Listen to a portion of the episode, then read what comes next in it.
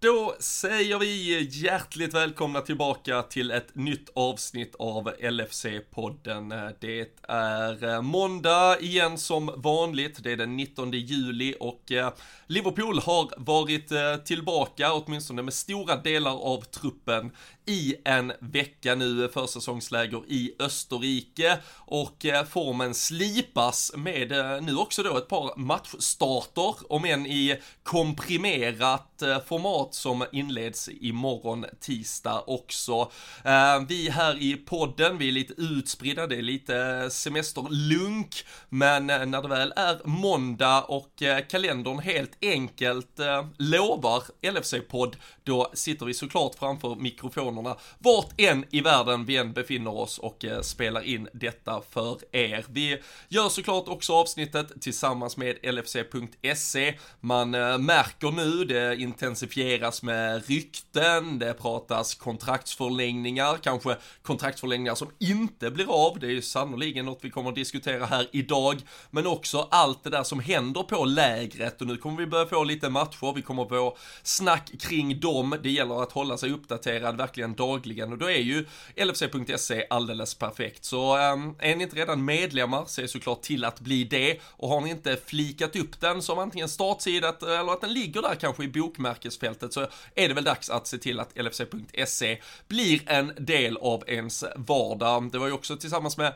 LFC.se och eh, framförallt eh, jag och ett par av de eh, supportrar som finns nere i Malmö som nu också har arrangerat Storträff Syd. Det har vi gjort nu 10 år på raken och till hösten här 25 september så kommer ju Jamie Webster komma till Malmö. Han är ju mannen bakom Allé Allé Allé, olika Virgil van Dijk, Firmino, sångerna som vi hör eka när vi väl får fylla fylla upp Anfield igen. Men nu får vi lite försmak innan man kanske kan åka dit. Då kör vi på O'Learys entré i Malmö. Vi har redan sålt slut eventet. Det kommer komma information ifall man vill sätta upp sig på en reservlista. Men jag har sett att det är många härliga poddvänner som har anmält sig. Det ska bli så jävla kul att om lite drygt två månader träffa er alla där. Men eh, tills dess så får vi hålla till godo med att höras här via podden ett par veckor till. Och eh, jag ska förbereda nu, jag ska sätta mig till rätta här tillsammans med Fredrik Eidefors och vi ska servera ännu en timme av LFC-podden.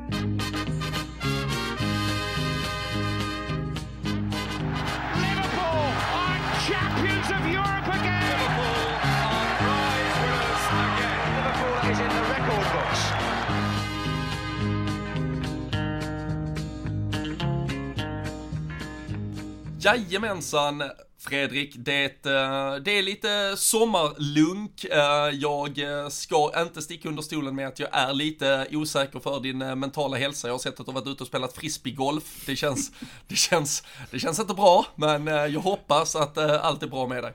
Ja men man får ju testa, testa de sporterna som finns här möjliga nu. Det är skönt att gå ut i skogen och få lite, lite luft för den biten också. Man kan inte bara lägga vid playan och och eh, det var ingen pik mot dig i det här fallet som sitter och som, som har säkert gjort det idag. Jag vet vart du befinner dig också. Så det är, du har det nog lite bättre än vad jag har det. Men eh, det är svensk sommar så vad, vad fan ska man klaga på egentligen? Det är ju helt underbart. Men eh, jag hade ju hellre legat bredvid dig på en solstol, solstol och druckit lite bärs. Det, hade, ja, jag skulle ljuga om jag inte sa det annars. Så att, eh. jag, jag trodde först för det första du skulle inleda med att det, det är få andra sporter man liksom fysiskt klarar av längre. Så det, det, det är då man hamnar på diskgolfen. Alltså. Nej, Vad är det liksom en, en halvtränad högerarm man behöver för vänster. att klara? Är det vänster? vänster. Just det, du är ju vänsterbent. Du, jag kan säga så här, det, man, är, man är tio år ifrån att börja med bull i alla fall. Det, kan jag, det är en sak som är säkert. Det jag, jag har åldrats lite här nu känner jag. Är... Men är det inte, jag tänkte, är det inte ett par fotbollsklubbar som har hört av sig efter att de fick reda på av Hasse Backe hur bra en vänsterfotad fotbollsspelare är egentligen. Alltså, jag tänker det måste ju gå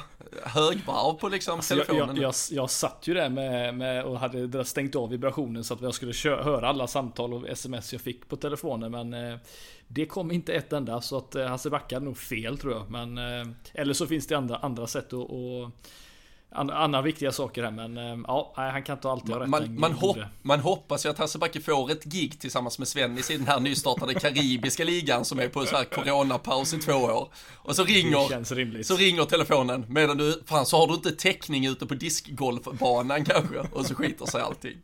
Ja, nej, what could have been. Ja, what could have been. Nej, fy fan. Men äh, det är semesterdags för äh, ja, både dig och mig, men man får hålla mm. sig äh, uppdaterad kring vad som händer. För det, man märker, det känns som att typ nu var det kanske helgen eller här nu som är liksom startskottet. Nu är det också matcher som börjar här i veckan och eh, så sakteliga spelare som ska återkomma från sina lite förlängda semestrar och så vidare. Det, förra veckan var lite av någon, eh, ja men det, det, var liksom bara någon så här eh, prolog, det var liksom eh, för-etappen innan det började på riktigt.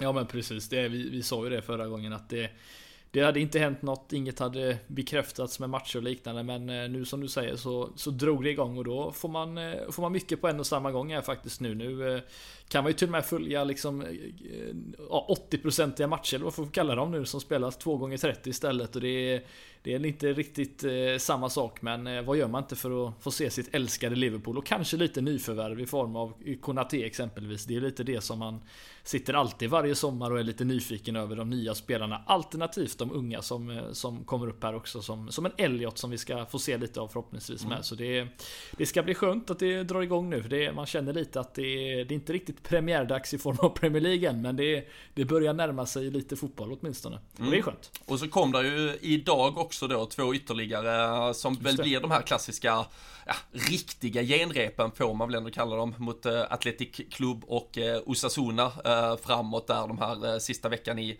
augusti. Uh, nu, uh, vad var det, fjärde och nionde får du, dubbelkolla men mm. det, det, jag tror det var de datumen som slank in här mellan mina kroatiska öl. Eh, men eh, det är väl... Har, det vi några, har vi något relaterat till de lagen förresten nu när jag tänker efter genom, genom åren? Ja men Osasuna är ju faktiskt lite av, testimonial är ju helt fel namn, men där Michael Robinson som avled, nu blir det väl ett och ett halvt år sedan, nu är, nu är ju corona mm som får ursäkta mig här om jag, om jag säger fel. Och, eh, men han eh, avled ju 61 år gammal. Jag vill minnas att det var mars eller april 2020. Eh, och han har ju spelat för både Liverpool och Sassuna, så det var ju tidigt prat om att man borde göra något tillsammans mm. där. Uh, kan till och med ha varit 2019, men uh, ja, det är ju i alla fall en minnesmatch till hans ära också, delvis. Mm. Atletic Club, det är väl, är det Iker Munyain-ryktet kanske, som är vår gemensamma nämnare där? Ja, och sen har vi väl också han mittbacken, vad hette han? Ja, Mikael San Jose. Just det, helt rätt. Ah, var, han gick ju faktiskt dit och gjorde det Ja, han gjorde, han gjorde en paletta som jag kallar det. En sån mm. som man inte alls trodde någonsin skulle kunna spela fotboll igen. Och så kommer man utomlands eller till hemlandet och så gör man bra ifrån sig där. Det är, det är inte alla som kan bli bra i Liverpool Robin. Det, det har vi lärt oss. Med... Paletta har fan gjort landskamp för Italien va? Det, ja, jag, jag, jag, tror det gick så, så, så jävla långt gick det till slut. Så nej, ja. äh, för fan, eh, du ser vart man kan eh, komma genom att bara mm. inleda lite så här. Det är nästan som att vi har haft ett litet quiz här och ja. det hade ju även Liverpool-truppen här, det blev väl i förrgår kväll, tror jag i så fall.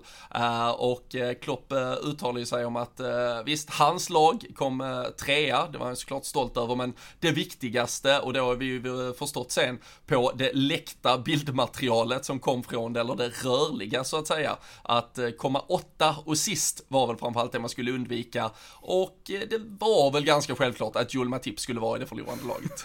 är det verkligen så uppenbart? Jag, jag, jag får ja, en känsla att han ska vara ganska ja, men, så här allmänbildad. Ja, men när, när, när förlusten, när det innebär att du ska ut och dansa så är ja. det ju, då är det ju självklart att han är där.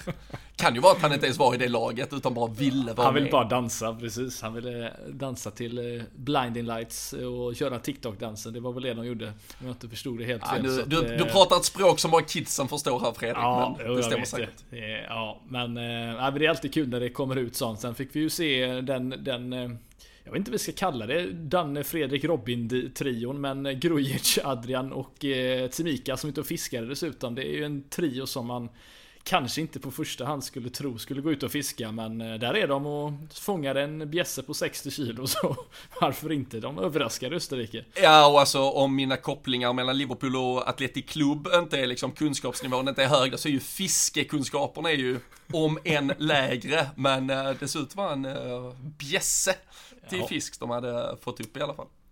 Jo, det kan man säga. Men eh, vad de tre har gemensamt, det är, det är en annan femma. Men, eh... ja, det är väl att de inte har en framtid i Liverpool ja, De delades upp i den gruppen. Här, ut på havet ett par timmar och fundera över er framtid. Kom tillbaka med en plan på vart ni ska ta vägen. Ja, fy fan. Ja, nej, Adrian har väl visserligen mer framtid än vad de två har på ja. något sätt. Men, eh, men ändå, jag förstår din tanke. Ja, så nej. Att, eh, så, finns mycket, mycket gott att hämta där. Så är det absolut. Men eh, om vi bara stannar lite vid, eh, vid det här quizet. Vi, vi vet ju inte så mycket mer detta, men om vi tänker oss kanske att det är något, ska det, något generellt så här fotbollsfokuserat, liksom lite kanske internationell fotboll, lite VM-historia, lite klubbar eh, hit och dit. Vem, är det någon i laget som du skulle känna är liksom ändå har koll på de här grejerna? Både lite nutid och lite historia. Åh. Vem skulle det kunna vara? Jag vet alltså, jag känner ju Matip känns som en eh, smart människa men uppenbarligen så var hans lag inte det i alla fall men... Eh, jag vet inte tusan. jag vet inte då. Så tidigare var det ju Mignolet. Han har alltid varit den smarta mm. killen. Det har man ju förstått. Men eh, sen han lämnade har ju IQ-nivån kanske försämrats lite. Jag vet inte. Eh, men jag tänker, om man bara tänker liksom någon som, om det nu är fotboll, så, för där kanske det fallerar ja. lite för mig i alla fall. Alltså känslan är ju inte att Matip sitter och klämmer sju matcher i veckan egentligen. Alltså han kanske gör något annat då, alltså jag vet inte. Oxlade ja. känns ju fotbollsintresserad, har jag en känsla ja, av. Adrian också väl egentligen, eller? Ja. Ja. ja Trent skulle det kunna vara. Men de, de är så jävla unga, där tänker jag, alltså Harvey Elliot så här, alltså vad som hänt de senaste åtta åren har han ju säkert bra koll på liksom. Men mycket mer än så, vet Ja, fan. nej, det, det, vi får väl slänga frågan till Klopp och, ja. och se vem han anser är den. Eh, vi, får, Pe vi alltså, väntar tror... fortfarande på att han är med i podden här någon gång. Att, uh... Känslan är också att Pep Linders lag lär ha kunnat göra det bra. Ja, jo. De hade, press, de hade pressat högt. Det ja. hade de gjort. Ja, vi har, fått, vi har fått en fråga om pressspel också. Vi får se om vi kommer ja. Eh, tillbaka till det lite längre fram. Men eh, nej, som sagt, nu det börjar liksom eh, dra igång på allvar. Man vet att det är försäsongsallvar när man får notisen om att Harry Wilson är set to join the team för att liksom ta, ta fart på försäsongsträningen. Både han och Neco Williams skulle väl ansluta idag. Men sen är det som sagt träningsmatcher imorgon då i otroligt komprimerat för mig. Jag vet inte om du har eh, nåtts av nyheterna kring det här nya Fifa-försöket de också ska prova ja. i sitt eh, ja, eh, Fifa for Future matchspel de skulle köra över någon sväng. Men det var det väl två gånger 30 minuter effektiv speltid, insparkar istället för inkast och en hel del andra typ fria byten mer eller mindre. Och oh. det är väl ungefär det vi ska prova då imorgon mot Wacker Innsbruck och VFB Stuttgart. Ja, det låter ju lite som när man spelar korpenfotboll, detta, de reglerna som är där. Det är helt sjukt. Jag, Ja, men jag ska säga, alltså det, det, är, det är ju i stort sett copy-paste på vad vi gör med, jag, alltså jag tränar ju grabben och hans lag, mm. de, de är sju. Alltså det här, inspark istället, fria byten, vi kan ju sluta räkna mål också kanske, det blir ju bättre ja. stämning och sådär. Alla får vara med.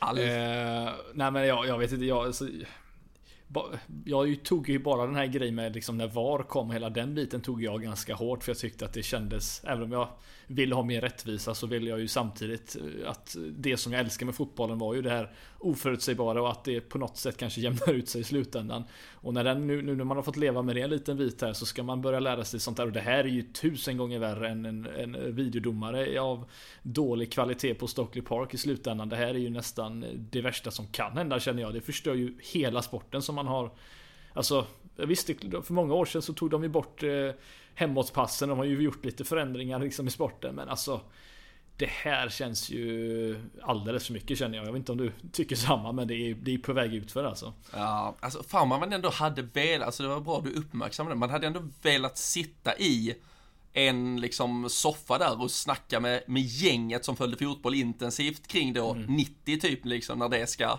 den ska bort, eh, hemmaspelsregeln, eller är det till EM 92 den försvinner tror jag, till slut liksom. Men eh, hur, hur snacket har gått där, det får fan, någon får flika in där om, eh, om man var med då och satt och hade snacket om eh, hur det skulle eventuellt förstöra fotbollen, eller om det mm. bara var en befrielse liksom att den äntligen försvann. För på så, alltså det, det, skulle ju, allt det här med liksom ändra helt med speltid och fria byten och alltså då, då förstör du ju Alltså hela den, alltså egentligen den fysiska uppbyggnaden, alltså vad det är för en sport du har tränat för. Vad Klopp för, mening? Som han har inga, inget liksom byta in en spelare lite smart i 60-50 minuter. Nej, spring du in, det är inga problem. Det är ja men bara, bara, bara alltså. kör liksom. Nej, nej ja. den är ju Men liksom så här, att typ, att inkast skulle bli inspark, att du måste typ passa in den. Men jag, jag tror ändå efter efter fem år så hade du ju alltså kunnat, re, alltså du hade kunnat ja. resonera kring att hur fan, stod vi ju egentligen och kastade in bollen för? Det är helt sjukt. Varför passar man inte bara igång det? Det är ju fotboll liksom. Ja. Alltså jag vet inte, jag, ja. Fatta vad han danska inkastcoachen måste, fan, fan vad han sitter nu och kryddar de sista fakturorna innan Fifa kommer. Fy fan. Eller så står han och nöter tillslag nu bara. I'm the first set piece in, in uh, spark coach, yeah. nej, ja, han kan inte ha det lätt just nu. Han måste ha sovit riktigt dåligt den natten, den, eh, eller den kvällen. Ja. Kärlek till uh, Thomas Grönnemark, det, det skickar ja. vi uh, rakt ut till det danska uh, sommarbygden där han förhoppningsvis sitter med en ka, kall Carlsberg och njuter ja. av livet. Men, men annars, du nämnde Kunate, ska vi förhoppningsvis då få se några första minuter av. Klopp har även pratat om att Matip och Trent som både, ja, Matip såklart mer långvarigt, men Trent skadade ju sig också där precis inför EM-slutspelet. Båda de två ska vara i, så att säga, den klassiska frasen är det väl ändå, in contention för att få mm. några minuter. Uh, Joe Gomez, van Dijk verkar vara lite, lite längre ifrån. Var, var, som sagt, var ju något rykte här om att Joe Gomez skulle ha slått upp skadan, men uh, det dementerar ju klubben uh, officiellt bara här för någon dag sedan också. Men Kunate åtminstone få se honom. Uh, ja, vi alla har ju sett bilder på vilket jävla kraftpaket det är och hur han nyper till bollen uh, rakt upp i ribbkrysset också på uh, försäsongen. Men det ska bli kul att se honom. Ja, nej men det ska det verkligen bli. Man har ju sett honom X antal gånger i, i tidigare klubben både i Champions League och Bundesliga så eh, som sagt man, man vet ju vad, vad, man får och det är ju framförallt ett, en, en rå diamant som kan nå ännu större höjder än vad han, vad han bevisar just nu och det är ju det som ska bli riktigt, riktigt intressant. Alltså han ser ju, van Dijk ser ut som en liten, liksom, han ser ut som jag bredvid dig ungefär när man liksom skulle jämföra. Han ser ju liten ut van Dijk när han står bredvid honom. Han är ju sån extremt kraftpaket. Han är ju inte en, eh, som jag fortfarande inte kan uttala, en Taivo Avonji Avonigi. Avonigi, tack. Han är inte riktigt den bjässen, men han är fortfarande jäkligt stor. Så att, eh, men han, och sen jag ska tillägga, han har ju han har otroligt spring i benen den här killen också. Han har inte, det är inte så att han är en stor orörlig spelare, utan han har rätt bra eh, fart när han väl får upp farten också. Så att, eh, duktig på att gå framåt i banan har vi sett honom också. Så att det ska bli är det en föryngrad Matip vi pratar om här nu kanske låter som? Det är nästan som det, men eh, en, en, en kraftfullare sådan. Ja, det är eh. lite mer, det är ett par centimeter till omkrets på alla ja. muskler där känns det som. Precis, men just duktig på att föra fram bollen. Det är ju lite det som vi, så, vi har inte pratat någonting om det förra säsongen eftersom våra bästa mittbackar var borta. Så vi fick ju spela från mittfältet och ytterbackarna istället. Men nu blir det nog lite annat och det ska bli riktigt, riktigt kul att se honom. Även om det bara blir kanske en kortare period så kommer vi nog bli mer här under, under de här kommande matcherna som är. Mm. Och så tror jag att man kan konstatera precis som om även då Kunate ser stor ut bredvid van Dijk och jag ser stor ut bredvid dig så är ju den ene då ingenting utan den andra helt enkelt. Nej, det är ju där precis. Led, ledsagaren som man alltid behöver. Ja. Kanske framförallt framåt framåt småtimmarna eh, ja. ibland. Men eh, nej, så, så är det ju absolut. Men vi har ju fått ganska mycket frågor. Vi ska ju försöka ta lite frågor längre fram. Men eh, det är ju liksom, nu har vi ju namedroppat eh, mittbackar så det räcker och blir över. Och det känns ju helt sjukt att, att konstatera det med tanke på vad, ja, vad hela egentligen vår agenda fylldes av förra säsongen. Men utöver då Matip Gomes, eh, van Dijk tillbaka från skada, Kunate in som sagt och sen då en Nat Phillips som vi fortfarande inte riktigt vet eh, exakt vad som händer med eh, en Rhys Williams som, även om han bara var ett eh, plåster som skulle liksom, ja, täcka ett sår under förra säsongen och det verkligen blandades och gavs, så, så är han ju ändå med nu i liksom en, alltså en fullt naturlig del av en försäsongstrupp och så vidare. Och det har ju blivit, i alla fall på lite sociala medier, och jag har märkt det i våra eh, frågespalter och sådär också, att snacket om en eventuell trebackslinje och eh, ett eventuellt eh, 3-4-3 eller 3-5-2 rent av börjar ju ändå diskuteras och det gör det väl nästan alltid när du plötsligt sitter på 5-6 mittbackar, det är ju fullt förståeligt. Och samtidigt då en Gino Wijnaldum som har lämnat än så länge inga eh, ja, central mittfältsalternativ som har anslutit och så vidare. Hur, eh, är det något du själv har eh, suttit och tänkt något mer eh, seriöst kring? Hur eh, Klopp skulle kunna formera ett lag med någon av, ja, något av de valen? Eh, ja, men jag har suttit och tänkt det flera gånger faktiskt och eh, tycker ju att det här EM-slutspelet, eller turneringen vi fick se, var också ett bra tecken på hur, hur, man kan bemästra den kvaliteten eh, och den formationen kan man säga. Eh, så att, eh, man såg ju Italien och jag, jag skulle nog inte säga att det kanske framförallt handlar om mittbackarna i sig utan det handlar mer om att kanske få lite mer frihet också för Trent och, Robertson på sina kanter just med wingback positionerna som det hade inneburit i slutändan och eh, jag tror det är det som för min del eh, exalterar mig lite att kunna få få lite mer, få dem lite längre fram. Vi såg att de tappade otroligt mycket i assistpoäng eh, för, förra säsongen. Visst, det hade väl att göra just med att van Dijk och Gomes och Matip var borta väldigt mycket och de fick kanske inte gå fram lika mycket, men Samtidigt så känner jag att det här är, hade inte alls varit fel om man hade kunnat eh, få in det här på något sätt. Det är klart du ska också få in alla andra spelare och hur påverkar det wingspelarna i form av Mané och, och Salah exempelvis. Det är ju en annan femma men eh, att, att se det eller att testa på det tror jag inte hade kunnat vara jättedumt faktiskt om jag ska vara helt ärlig. Det, det känns som att vi har de verktygen för att skulle kunna använda det på något sätt och eh, jag eh, tycker att eh, det är helt klart värt att testa. Sen Vet jag inte om du tror att de kanske Klopp började bara för att det har pratats om det här men jag känner väl fortfarande att det finns någon form av möjlighet eh, att göra det i slutändan. Mm, jag såg vi hade fått från eh, Robert Rosenqvist. Han la visserligen upp det som en idé eh, för vad han då menar med att möta storlagen så det finns väl då något defensivt tänk mm. i den liksom konstellationen i så fall. Men där han har då Matip van Dijk Konate, han, menar, han håller i alla fall personligen då Matip före Joe Gomez. Och sen Trent, Henderson, Fabinho, Robertson i någon form av då fyrmanna mittfält. Och sen Jota precis framför den. Och så Mané och Salah som ja, anfallare helt enkelt. Får det då att klia. En Thiago saknas ju i alla ja. fall och det, en Firmino just i detta fallet saknas. Men det lär väl bli en ständig diskussion hela säsongen kan jag tänka mig.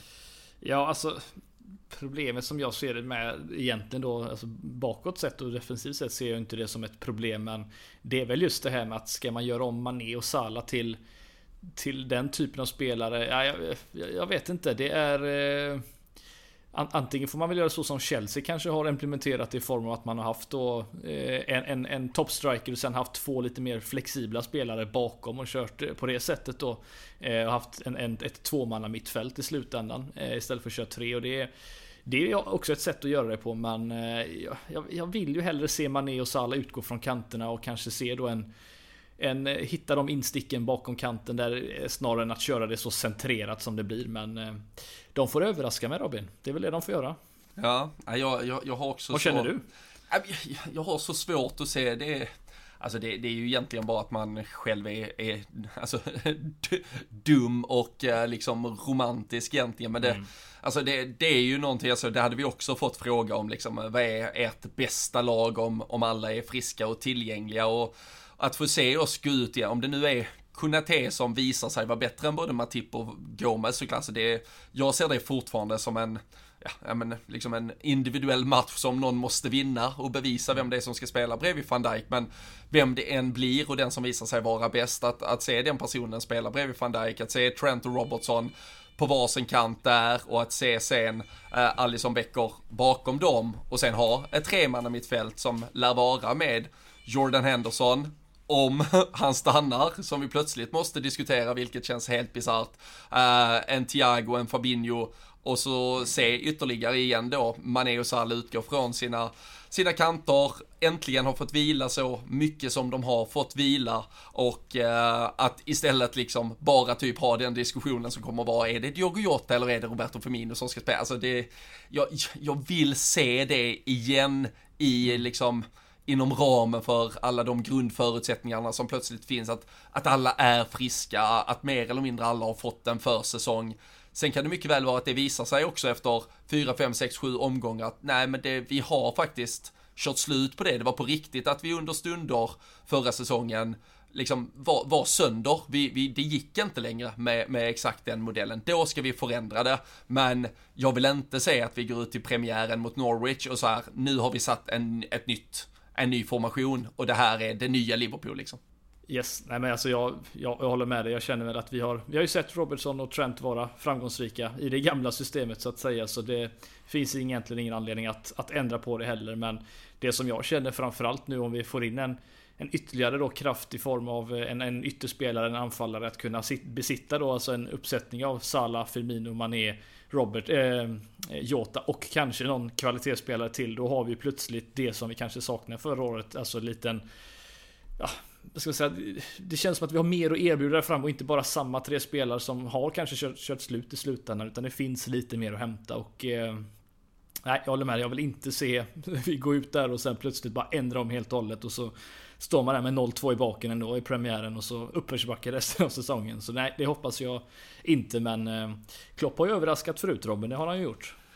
Ja, Kanske inte ja, så här mycket. Nej, just formationsmässigt har han väl fan inte gjort det egentligen. Nej, alltså, vi ska vara nej det, har, alltså. det har han inte. Men jag, jag, jag känner så här, den som är bäst som du säger där bredvid van Dijk, det är han som ska spela. Det är liksom inte svårare än så. Jag nej. tror Gomes med tanke på att han har varit skadad också. Jag tror det kommer bli jobbigt för honom att spela sig in. Om, framförallt om för Konate kommer nog vara en ganska bra spel att starta med. Men sen är det, vi har sett det tidigare, de här spelarna som kommer in nu som ska göra avtryck direkt som en, en exempelvis en Fabinho eller en Keita liknande som framförallt då en Fabinho. Det tog ju en stund att komma in och det kan ju vara så att Matip eller Gomes, framförallt Matip då om han kommer tillbaka lite fräschare, att det är han som startar där också. Det skulle ju absolut inte förvåna mig. Nej.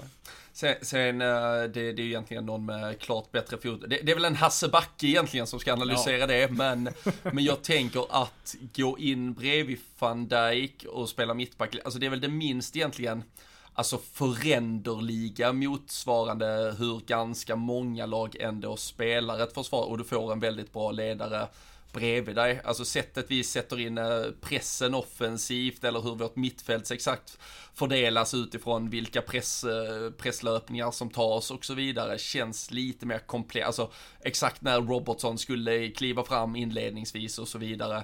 Jag tror ju att en mittback av Kunates kaliber, om han visar sig att han är alltså håller, är frisk, är liksom tillräckligt trygg med boll redan nu här, då tror jag inte, alltså jag har svårt att säga att vi ska liksom ha någon inkörsperiod på fyra månader på en mittback. Det är också så väldigt svårt att hålla på och alltså mixtra med den situationen. Alltså du kan inte liksom, ja men vi ger han 17 minuter här och så ger vi här. Alltså det, mm, jag har svårt att se det. Så jag tror, och där får vi ju se nu med Joe Gomez, nu pratar man att eh, Gomez ändå är liksom nära att vara tillbaka också. Men annars om det är Kunate och Matip som båda är redo liksom up and running och kör från imorgon, då, då ser jag ju det lite som att det blir en head to head mellan de två kring vem som är redo. Och det skulle väl kunna vara nu är det väl ett, jag tror det är ett landslagsuppehåll ganska tidigt, typ, alltså, ja, där 5 september eller något sånt. Vi spelar väl tre eller fyra omgångar innan det är ett land, alltså det skulle ju kunna vara typ Matip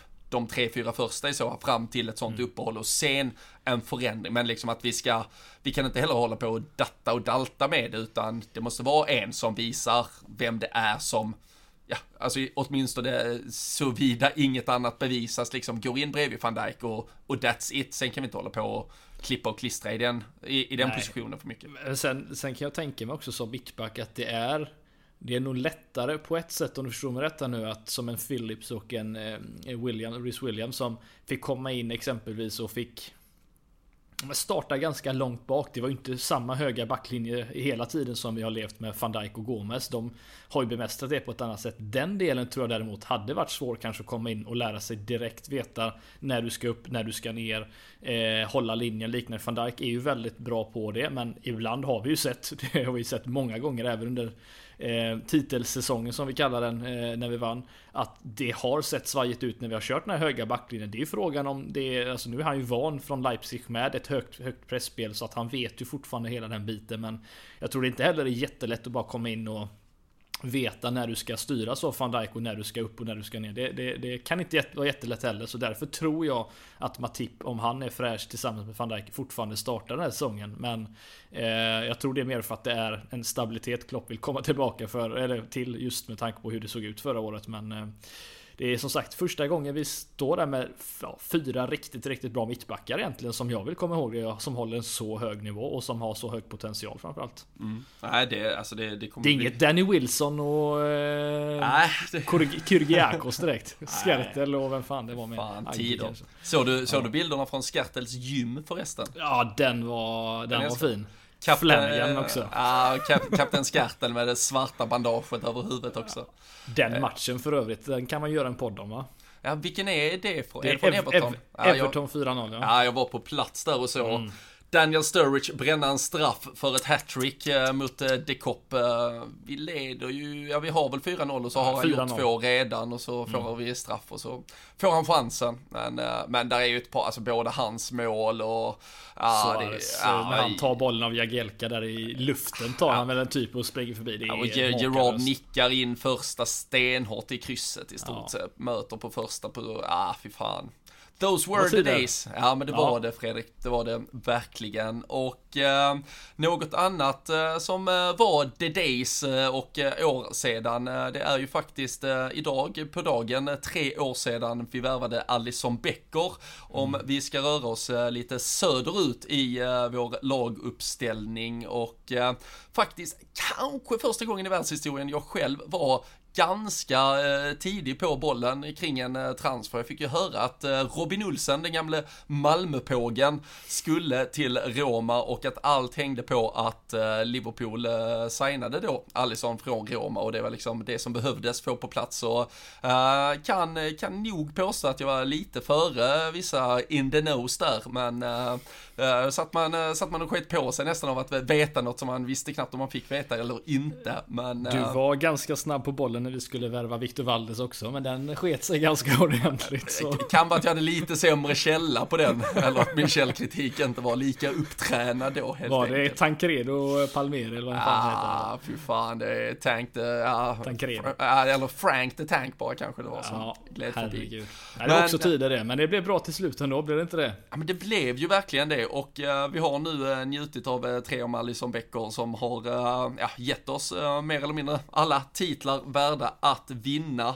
Vi har ju sannoliken denna säsong fått se höga toppar och djupa dalar men kanske framförallt då avsluta i ett crescendo där det blir menar, ett historiskt mål och mm. det blir så känslofyllt och man vet inte var man ska ta vägen i stort sett och han visar väl efter den matchen också på liksom en eh, vältalighet och en eh, medmänsklighet som, eh, som gör att man liksom vill omfamna honom för all framtid. Och det pratas också om att Liverpool förbereder ett nytt kontraktsförslag till honom. Och när man pratar målvakter som har liksom lyckats etablera sig på det sättet man har, han är fortfarande i en beskedlig ålder, så känner man väl bara att betala Pågen vad han behöver för att fortsätta ha liksom grillkvällar eh, på balkongen så, så kör vi på detta liksom. Ja, jo men det är, en, det är ju såklart en no-brainer. Jag vet inte vad han sitter på för lön idag, men jag kan ju tänka mig att det det är ju inte van Dijk pengar eh, än, men det kommer ju eh, behöva börja närma sig lite när man...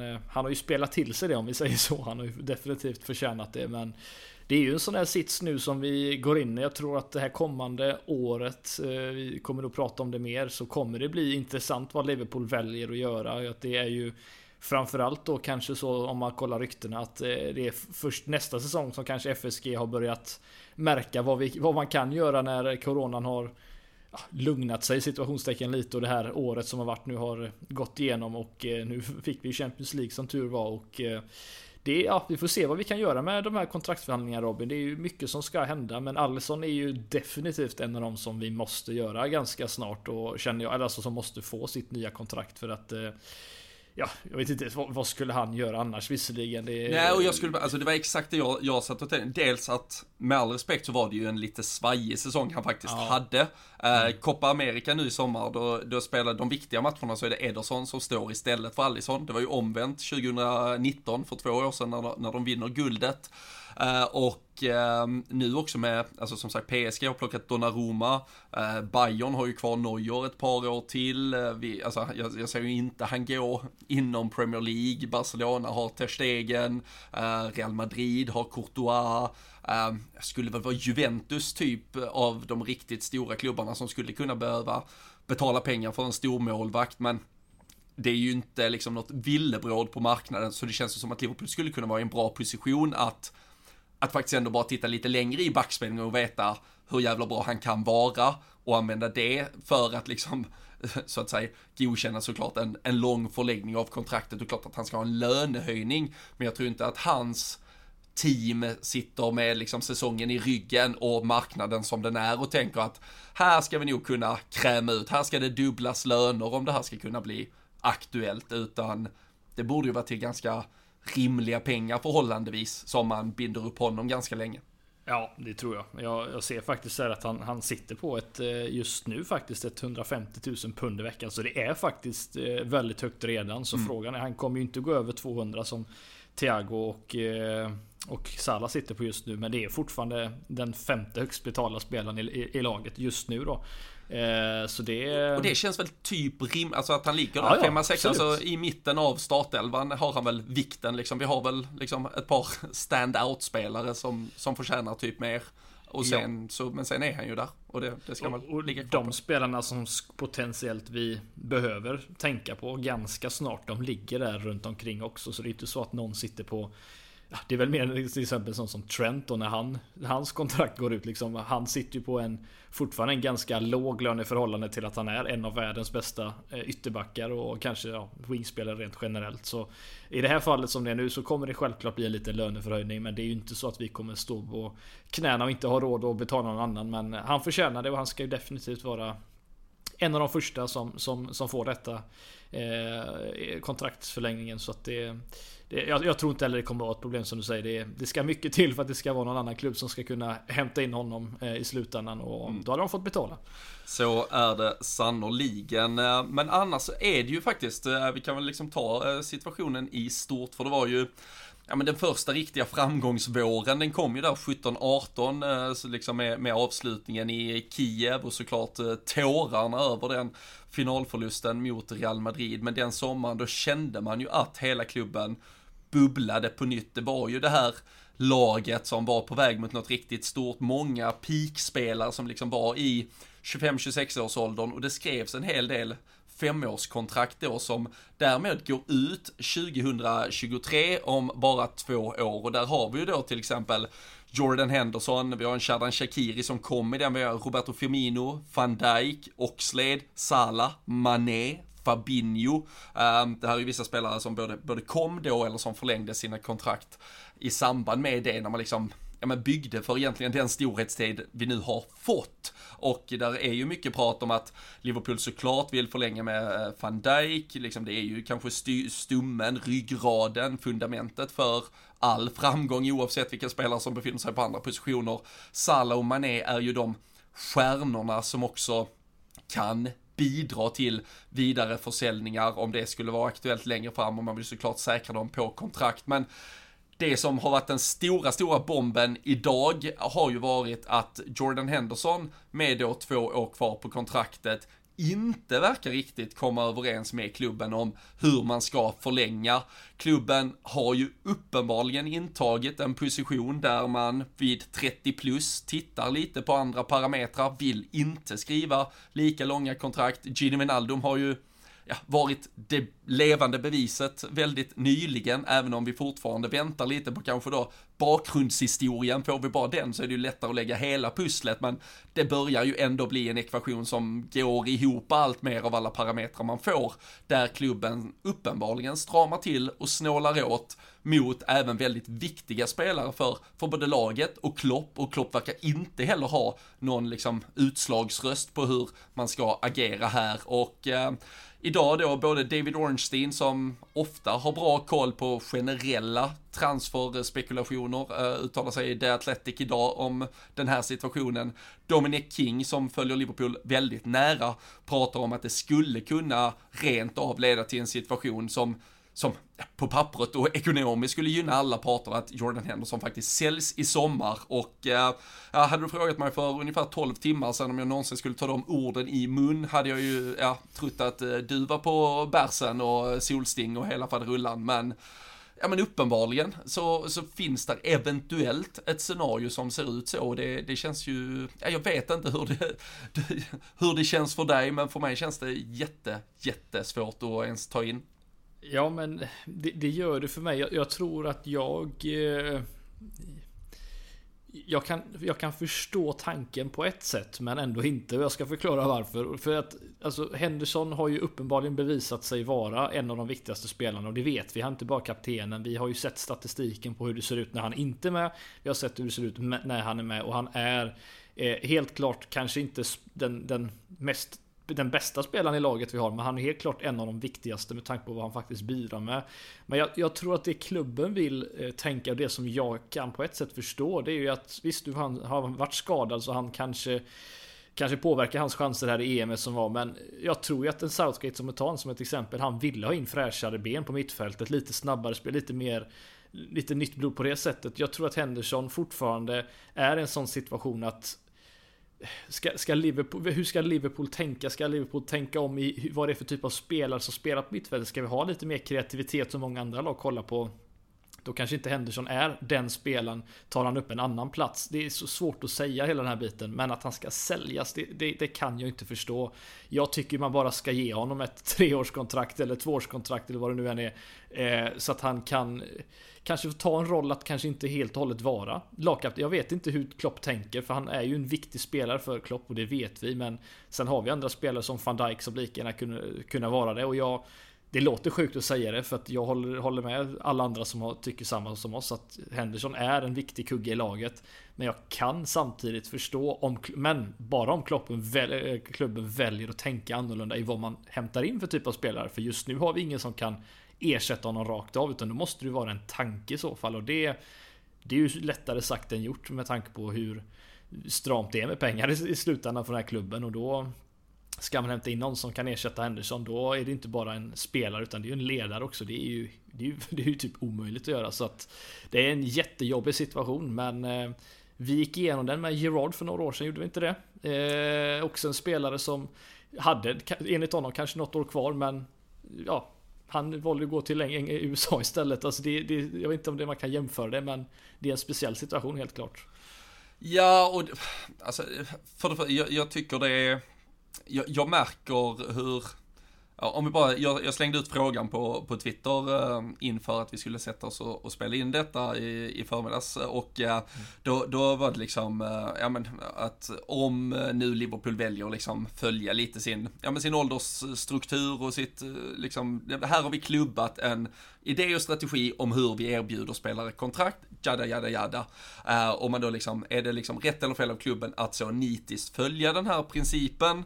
Eller eh, liksom bör man bortse från den när man i detta fallet någonstans riskerar vad som faktiskt har blivit en livslevande legend i klubben. Och det, liksom, det behöver vi inte ens diskutera. Han har, han har nått den statusen. Numera diskuteras det om han eller Steven Gerrard typ är den största lagkaptenen i Liverpools moderna historia. Så han är där.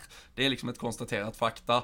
Um, och jag säger, det är ju 29% som ändå, alltså någonstans, nu ska jag inte, jag ska inte exakt säga vad, vad du tycker, men lite mer på ditt spår att det, det är långsiktigt bäst kanske kan vara i alla fall, liksom det, man följer strukturen och håller sig till principen, medan 70, 71% liksom ändå tycker det är fel, ge Henderson vad han vill ha. Um, det, är ju, det, det, är ju en kul håll som man hade velat visa Jordan Henderson för tio år sedan när man mm. nog trodde att hans karriär skulle vara över i Liverpool liksom.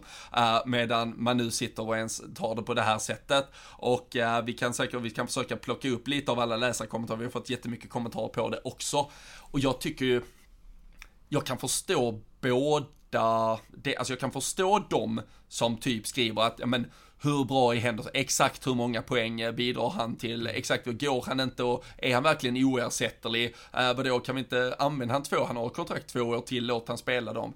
Bla, bla, bla. Men även efter alla de parametrarna så, så är jag i alla fall så jag menar alltså det, det är ju hur jag ser på, på, på klubben där ändå. Att jag, jag hoppas och vill tro att Liverpool Football Club tänker lite annorlunda än den kanske typiskt affärsdrivna klubben i just det här läget. Så jag förstår ju att det då kan kosta mig en, en värvning av någon annan jävla mittfältare den här säsongen och då får, jag, då får jag ju svälja det till syvende och sist. Men eh, jag, jag vet inte fan om jag är beredd att gå så långt så att vi gör liksom business av situationen Jordan Henderson har tagit sig till. För jag, jag tycker att han förtjänar ett kontrakt som, som tackar för de insatserna och jag förstår, jag förstår verkligen att det företagsekonomiskt inte är rätt beslut att ta. Du ska aldrig tacka någon liksom retroaktiv och dessutom binda upp dig på att betala liksom tacksamhetsskuld i fyra år, som det här skulle vara liksom tal om. Men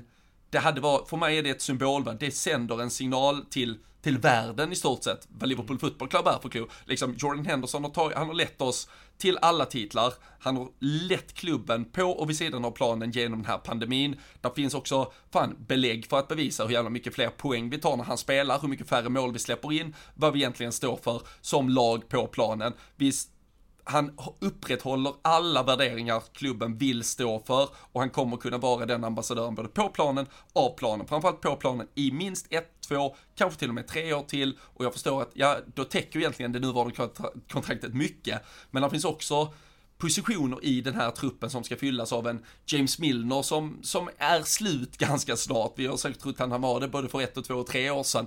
Men liksom, och, och den, den rollen är, finns där. Den är klippt och skuren. Men han ska också betalas och tackas för det han har gjort. Det är min personliga åsikt mm. i i liksom frågan kring Jordan Henderson. Och dessutom, alltså för mig, när jag, alltså vi har också fått en fråga, vad är ditt bästa lag till premiären? Ja, det är med Jordan Henderson på plan.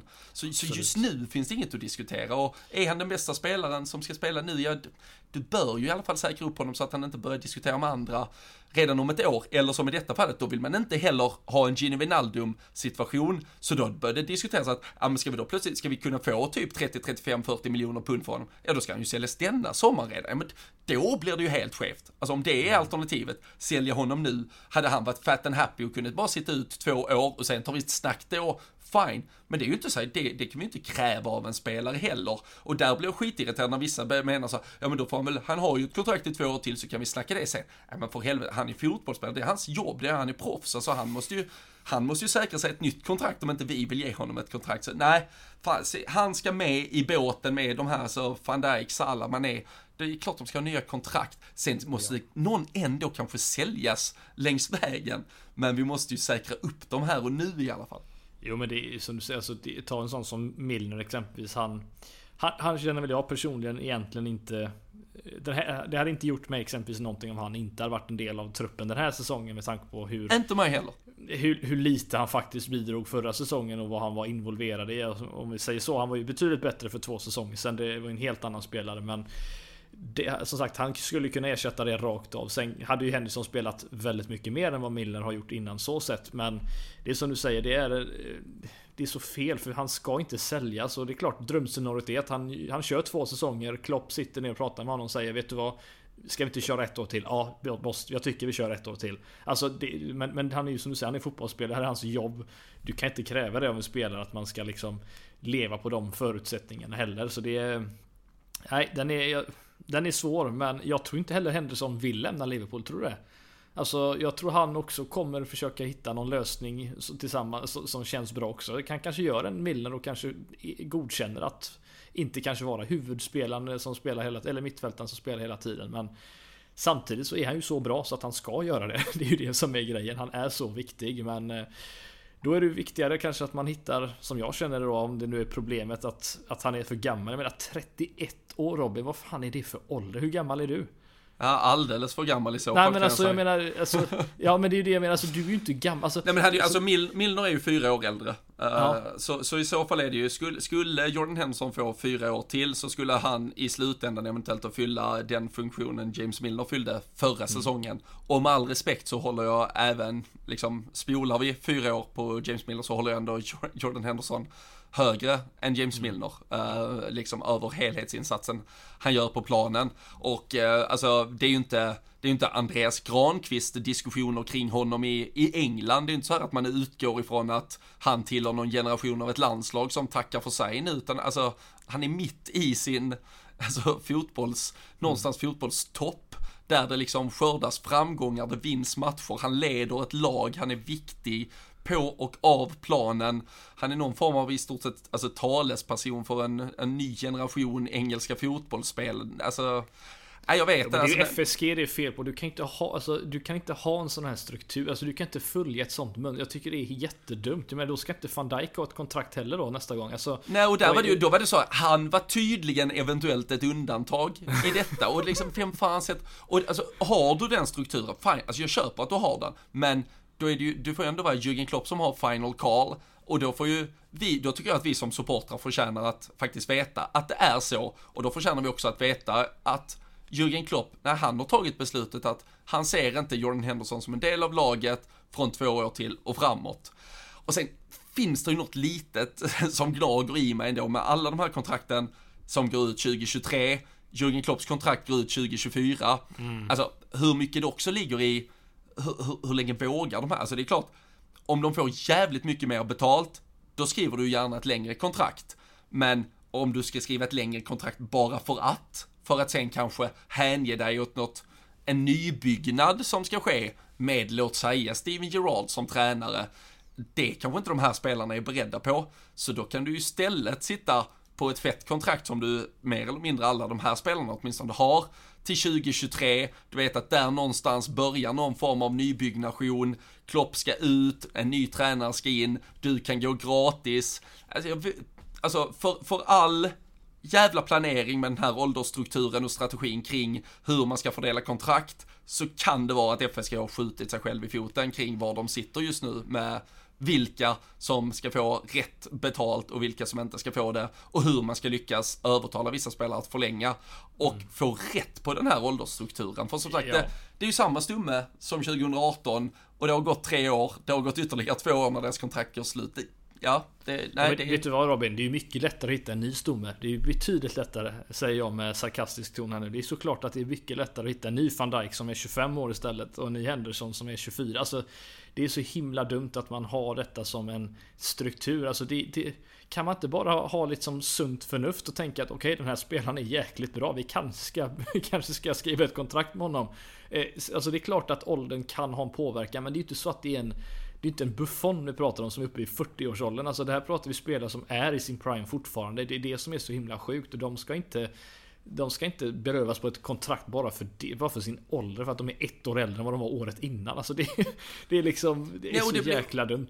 Ja, och det vidriga i det här blir ju att spelare som till exempel Oxlade, Keita, Shakiri, mm. Origi, de sitter ju antagligen kvar på sina kontrakt på grund av exakt samma diskussioner kring strategin att om du inte får si och så här mycket av marknadsvärde upp där, då behåller du och sen men om du, alltså en fotbollsspelare som inte full, fyller funktion på en fotbollsplan är värd noll. Det finns inte, alltså det är inte, vi, vi tradar inte aktier eller liksom eh, flyttar fastigheter som behåller något konstant värde och alltså en fotbollsspelare som inte gör poäng, bidrar till att ditt lag gör poäng som höjer kvaliteten på ditt lag, den personen är värd noll. Det finns inget då som säger att 38 landskamper, 400 Premier League-matcher och en ålder på 27 betyder att du är värd 40 miljoner. Alltså, det gör det inte. Bidrar du inte på en fotbollsplan är du inte värd ett skit. Och de spelarna, de måste du bli av med. De ska du sluta betala pengar för. Och se till att de spelarna som bidrar med saker och ting på en fotbollsplan, de betalar du för. Och de andra, tack och hej. Ja, verkligen. Nej men det, det är en, eh, det är som sagt en väldigt intressant eh, diskussion och det är ja, nu sitter, hoppas ju såklart att vi att den här podden fortsätter i, i fyra år framåt liksom. Men det, det, är ju fascinerande när man sitter och, och slår, drar de slutsatserna som du säger med Klopp. Det är ju faktiskt en faktor som man kanske inte har pratat om tillräckligt mycket. Att det är Ja, ja, det är klart att han är en viktig person för en Henderson. Det vet du sedan tidigare. Och skulle han veta att Klopp inte vill vara kvar längre, ska han vilja göra det? Alltså det är så, det är så himla mycket sånt här. Och det, det kommer verkligen bli här de, det här året, eller kanske då framförallt nästa året, är det mer intressanta hur lagen eller hur truppen eh, ser ut och framförallt hur de tänker med kontrakten. För det är, det är inga dussinspelare vi pratar utan det är som du säger, det är de som har gett oss de minnena som vi har suttit och pratat om här de senaste åren. Och de, de ska man tacka av. Det är inte, för det är inte så att de är ut, liksom, sämre, jättemycket sämre fotbollsspelare på något sätt. De är fortfarande lika viktiga och lika bra. Så Nej, det är... Eh, hela stommen måste finnas kvar men vi kan gärna bygga den runt och då kan ju spelare som Oxlade exempelvis som sitter på en, faktiskt en, eh, en onödigt hög lön skulle kunna flytta på sig. Då kan man få in lite nytt blod där istället. Men vi ska inte göra det på grund av eh, eller ja, få ut de andras viktiga spelare på grund av det. Det är ju det är bara att skjuta sig i foten. Ja, nej. Det, det blir tyvärr inte fyra år till med podden. Jag såg här nyss att Danne fyller ju 31 nu om några veckor. Så ja, just det, vi kan då, inte förlänga med honom. Nej, så det, det är kört där alltså. Så jävla, fy fan att få det beskedet live här medan vi spelar in också. Ja. Att vi måste lägga ner om några veckor. Nej, det... Shit, Danne, han sitter... Han, ja, han han, kontrakt, kontraktet han sitter på är ju inte, det är inte nådigt heller. Så det... Nej, det är...